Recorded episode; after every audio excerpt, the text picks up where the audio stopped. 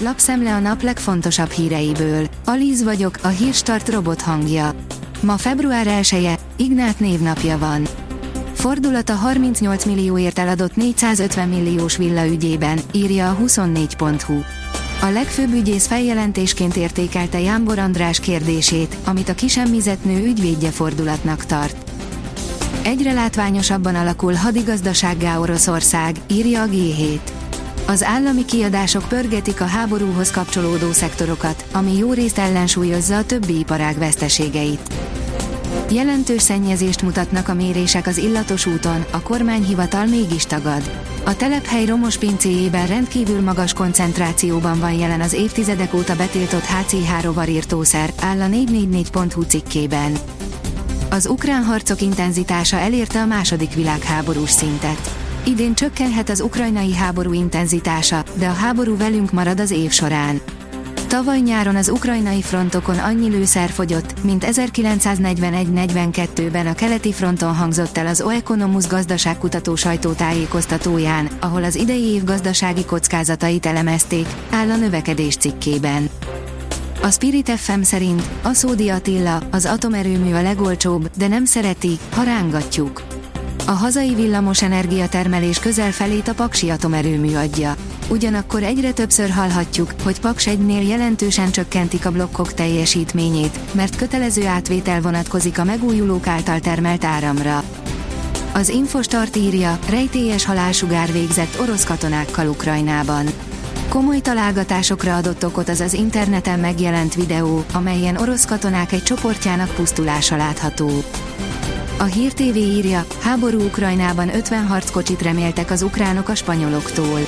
Műsorunk vendégei Kis Benedek József biztonságpolitikai szakértő és Kis Rajmund, a Matthias Corvinus kollégium diplomáciai műhelyének vezetője voltak.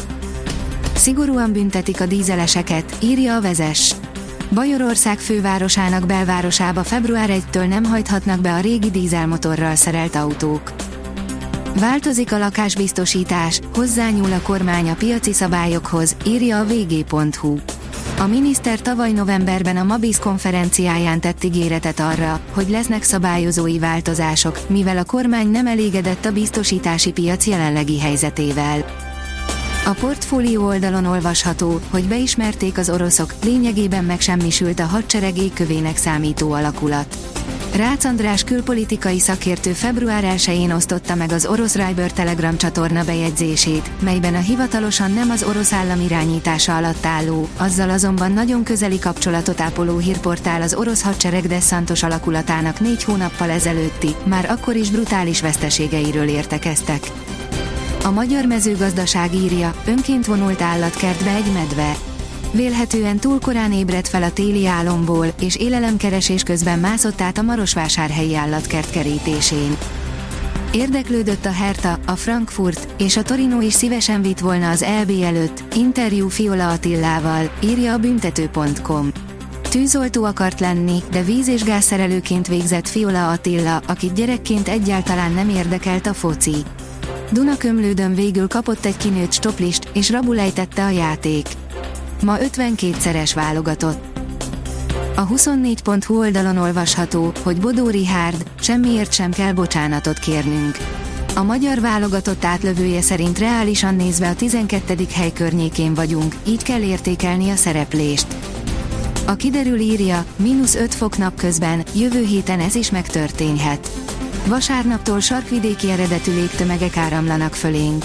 A jövő hét első napjaiban az északkeleti megyékben még napközben sem emelkedik mínusz 5 fok fölé a hőmérséklet.